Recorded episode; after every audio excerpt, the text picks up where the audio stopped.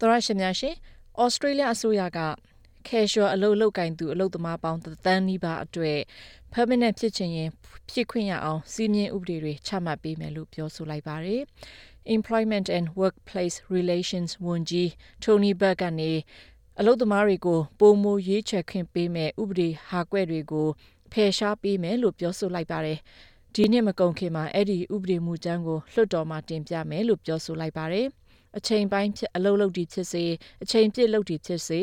အလုပ်ချိန်ပုံမှန်လုပ်ရရင် casual အဖြစ်ကနေ permanent ဖြစ်ချင်ရင်ဖြစ်ခွင့်ရဖို့လှုံ့ဆော်ပေးမယ်လို့ပြောဆိုလိုက်တာဖြစ်ပါတယ် A good day for Australia's casuals. The legislation I introduce this, later this year will do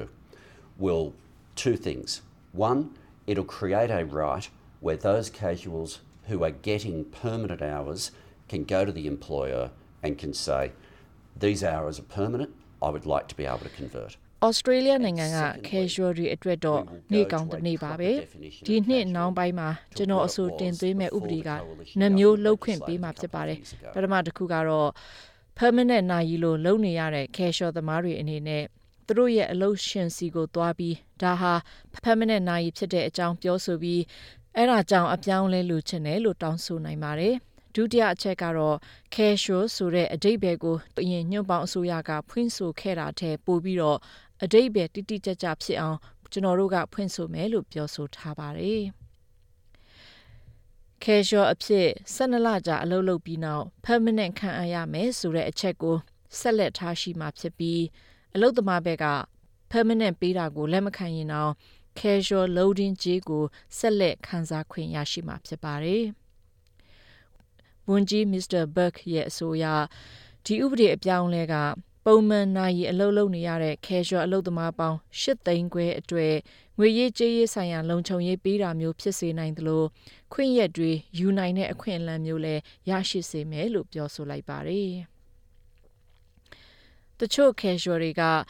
ကျောင်းတက်နေရလို့ဒါမှမဟုတ်ဒုတိယအလုပ်တစ်ခုအနေနဲ့ casual အလုပ်လုပ်နေရလို့ဒါမှမဟုတ် ပြုလွယ်ပြင်လွယ်သဘောရှိတဲ့ casual အလုပ်ကိုသဘောကျလို့ permanent position လက်မခံချင်တဲ့လူတွေရှိနေတာကိုနားလည်တယ်လို့လည်းဝန်ကြီးကပြောပါတယ် Uh, so what we've what we've announced today is a right that that most casuals won't take up. Uh, there's roughly two and a half million casuals in Australia, uh, and just under a third of them work regular hours. Some of those 850,000 workers are in situations where they would rather have a level of security than have the casual loading. ဒီကနေ့ကြီးညာချက်ဟာ casual သမားတိုင်းလိုချင်မှာမဟုတ်တဲ့အခွင့်အရေးဖြစ်ပါတယ်။ Australia မှာ casual အလုပ်လုပ်သူ2တန်းခွဲလောက်ရှိပြီးအဲ့ဒီအထက်က3ပုံတစ်ပုံနီးပါးကသာပုံမှန်အချိန်နိုင်နဲ့အလုပ်လုပ်ကြတာဖြစ်ပါတယ်။ casual အလုပ်သမား8သိန်းခွဲလောက်ထဲကတချို့လူတွေဟာ casual loading ထက်ပိုပြီးတော့ဝင်ငွေကိုလုံခြုံမှုပေးမဲ့အခွင့်အရေးမျိုးလိုချင်ကြပါတယ်လူအများစုကတော့ပြုလည်ပြင်လွယ်ရှိတဲ့ casual အလုပ်ကိုဆက်လုပ်ပြီး casual loading အခွင့်အရေးကိုဆက်လက်ယူကြမှာဖြစ်ပြီးတော့အဲ့ဒီလိုလူတွေအတွက်ဘာအပြောင်းလဲမှရှိမှာမဟုတ်ဘူးလို့ပြောဆိုလိုက်ပါတယ် မကြခင်တင်သွင်းမဲ့ဥပဒေကရခိုင်အစိုးရကချမှတ်တဲ့ casual ဆိုတဲ့အဓိပ္ပာယ်ကို ပြောင်းလိုက်မယ်လို့လည်းပါရှိပါတယ်။2021ခုနှစ်ရခိုင်ညွန့်ပေါင်အစိုးရလက်ထက်တုန်းက casual လို့ပြောတဲ့အခါမှာအလုတ်ရှင်ဘက်ကအာမခံများများဆဆမပေးပဲပေးထားတဲ့အလုပ်ကို ပုံမှန်လုပ်ကန်ရတဲ့အလုပ်အဖြစ်အတိတ်ပဲဖွင့်ဆိုခဲ့ပါတယ်။အဲ့ဒီအတိတ်ပဲဖွင့်ဆိုချက်ကိုဗဟိုတရားရုံးကလည်းထောက်ခံခဲ့ပါတယ်။ဒါပေမဲ့ Labor Party အစိုးရက အဲ့ဒီအတိတ်ပဲဖွင့်ဆိုချက်ကိုပြင်ဆင်ချင်နေပြီး casual အလုပ်လုပ်တဲ့လူတွေ permanent ဖြစ်ချင်ရင်ဖြစ်ခွင့်ရနိုင်မဲ့လမ်းကြောင်းဖြစ်လာစေဖို့လမ်းဖွင့်ပေးမယ်လို့ပြောပါတယ်။အဲဒီလိုအပြောင်းလဲလှုပ်ဆောင်ဖို့ကမလိုအပ်ဘူးလို့အတိုက်ခံပါတီရဲ့ Employment and Workplace Relation ပြောခွင့်ရပုဂ္ဂိုလ် Michaelia Cash ကပြောပါတယ်။ Well Tony Burke has thrown employers across Australia into a state of confusion.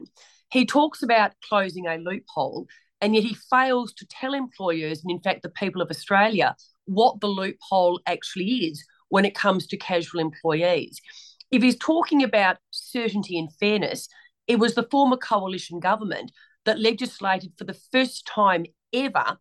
a definition of casual that is Tony Burke က Australia နိုင်ငံတစ်ခွင်ကအလုပ်ရှင်တွေကိုမျက်စိလဲအောင်လှုပ်လိုက်တာဖြစ်ပါတယ်။သူကရှင်းနေတဲ့လူပေါက်တွေကိုပိတ်ပစ်မယ်လို့ပြောပေမဲ့အဲ့ဒါကိုလုပ်ငန်းရှင်တွေအတွက်ရှင်းပြထားပါဘူး။ Tony Burke ကတေချာရေးရမှုတွေနဲ့တရားမျှတမှုတွေအကြောင်းပြောမယ်ဆိုရင်အဲ့ဒါတွေကိုအရင်ဆုံးဥပဒေပြုနိုင်ခဲ့တာမြို့ပေါင်းအစိုးရဖြစ်ပြီး casual ဆိုတဲ့အဓိပ္ပာယ်ဖွင့်ဆိုနိုင်ခဲ့တယ်လို့ Fair Work Act မှာထည့်သွင်းထားတာဖြစ်လို့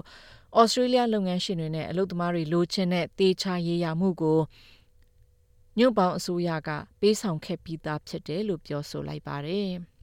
။ Australian Chamber of Commerce and Industry ရဲ့ CEO Andrew McKellar ကလည်းဒီလိုအပြောင်းလဲတွေကအသေးစားလုပ်ငန်းတွေအပေါ်ထိခိုက်နေတာမှုဖြစ်စေမယ်လို့ပြောဆိုလိုက်ပါတယ်။ We would say at the moment there is very clear certainty. It's been established by the High Court, it's been established in uh, legislation. Uh, that provides choice for small businesses, uh, it provides choice for employees. There's a clear pathway at the moment. Uh, if somebody wants to convert အခုလောလောဆယ်တေချာရရမှုတွေရှင်းရှင်းလင်းလင်းရှိနေပြီလို့ပြောနိုင်ပါတယ်။အဲ့ဒါကိုလည်းတရားရုံးချုပ်ကသတ်မှတ်ပေးထားပြီးဖြစ်လို့ဥပဒေကခက်ခိုင်မာမာကိုရှိနေပြီးအသေးစားစီးပွားရေးတွေကိုလည်းရွေးချယ်ခင်ပေးထားပါတယ်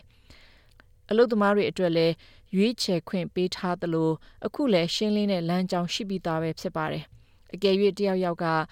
အမြဲတမ်းအလုပ်ပြောင်းချင်ရင်ပြောင်းနိုင်မဲ့လမ်းကြောင်းရှင်းရှင်းလင်းလင်းရှိပြီးသားဖြစ်ပါတယ်။အခုအစိုးရကနေအပြောင်းလဲလုပ်ဖို့ကြိုးစားနေတာကမှရှစ်ဆက်ဖို့အတွက်မသေးချာမရရမှုတွေဖြစ်စေမယ်လို့ပြောဆိုလိုက်ပါတယ်။ Labor Party ဟာအစိုးရဖြစ်လာပြီးတဲ့နောက် industrial relation မှာအပြောင်းလဲကိုနှစ်ကြိမ်လှုပ်တာဖြစ်ပြီး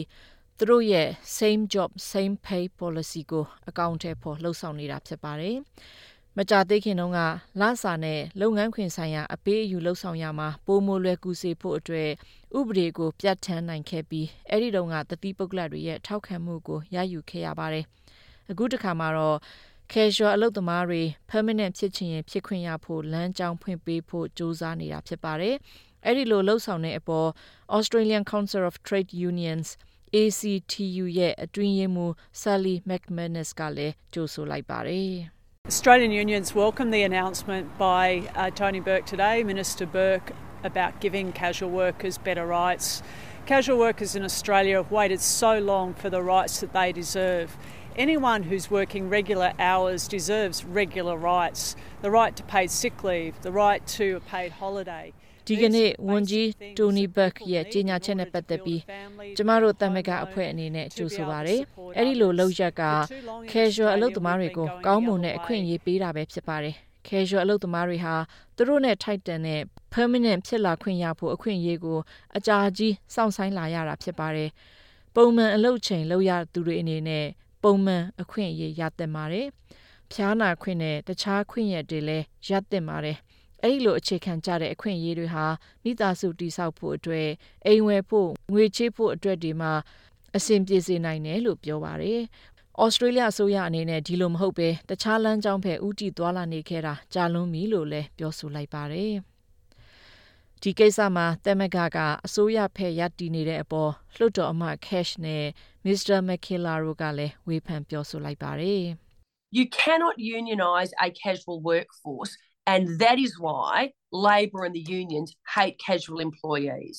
Casual အလုပ်သမားတို့ကိုတမက်ကရဲ့လူဖြစ်အောင်လုပ်လို့မရပါဘူး။ဒါကြောင့် Labor Party နဲ့တမက်ကက casual အလုပ်ကိုမကြိုက်ကြတာဖြစ်တယ်လို့ပြောဆိုလိုက်ပါတယ်။ Well, I think there is a real question here, and it seems that the ACTU uh, says uh, jump, uh, the government says uh, how high. Uh, this is very clearly an agenda driven by the ACTU. တကယ်မေးခွန်းမေးရမှာက ACTU ကနေ ခုံလို့အစိုးရကိုပြောတဲ့အခါမှာအစိုးရကဘယ်လောက်မြင့်မြင့်ခုံရမလဲဆိုတာမျိုးဖြစ်နေတယ်လို့ပါပဲ ACTU မှာအဲ့ဒီလို agenda ရှိနေတာအတိအသာကြီးပဲလို့လည်းဝေဖန်ထားတဲ့အကြောင်းရေးထားတဲ့ Sophia Tariq ရဲ့ဆောင်းပါးကိုတင်ဆက်လိုက်ပါရရှင်။